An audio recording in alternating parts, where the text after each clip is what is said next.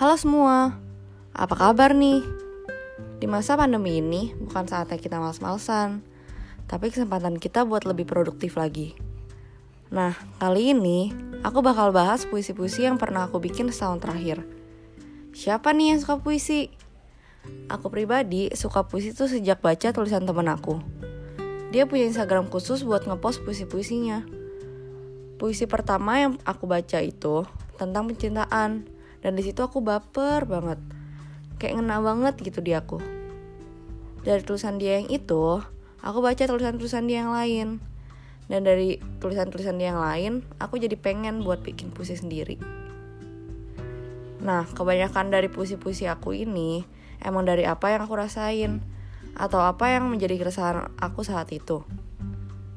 Dan sekarang aku udah buat 10 puisi yang judulnya Hampa, hilang, rimpuh, resti salia, orang terindah, maksud hati, fana, perlahan, asa, dan yang terakhir, kepergianmu dan kepergianku.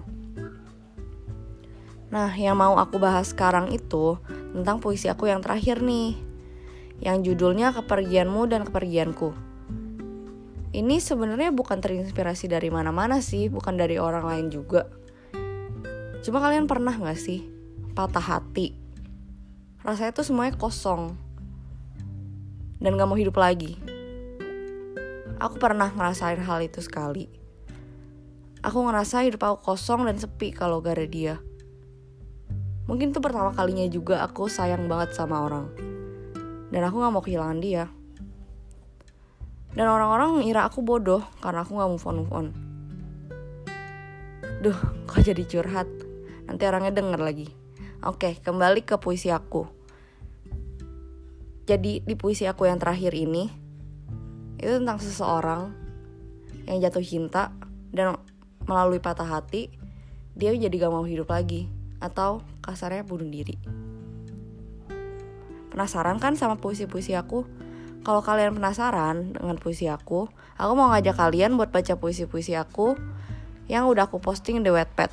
Dijamin gak nyesel.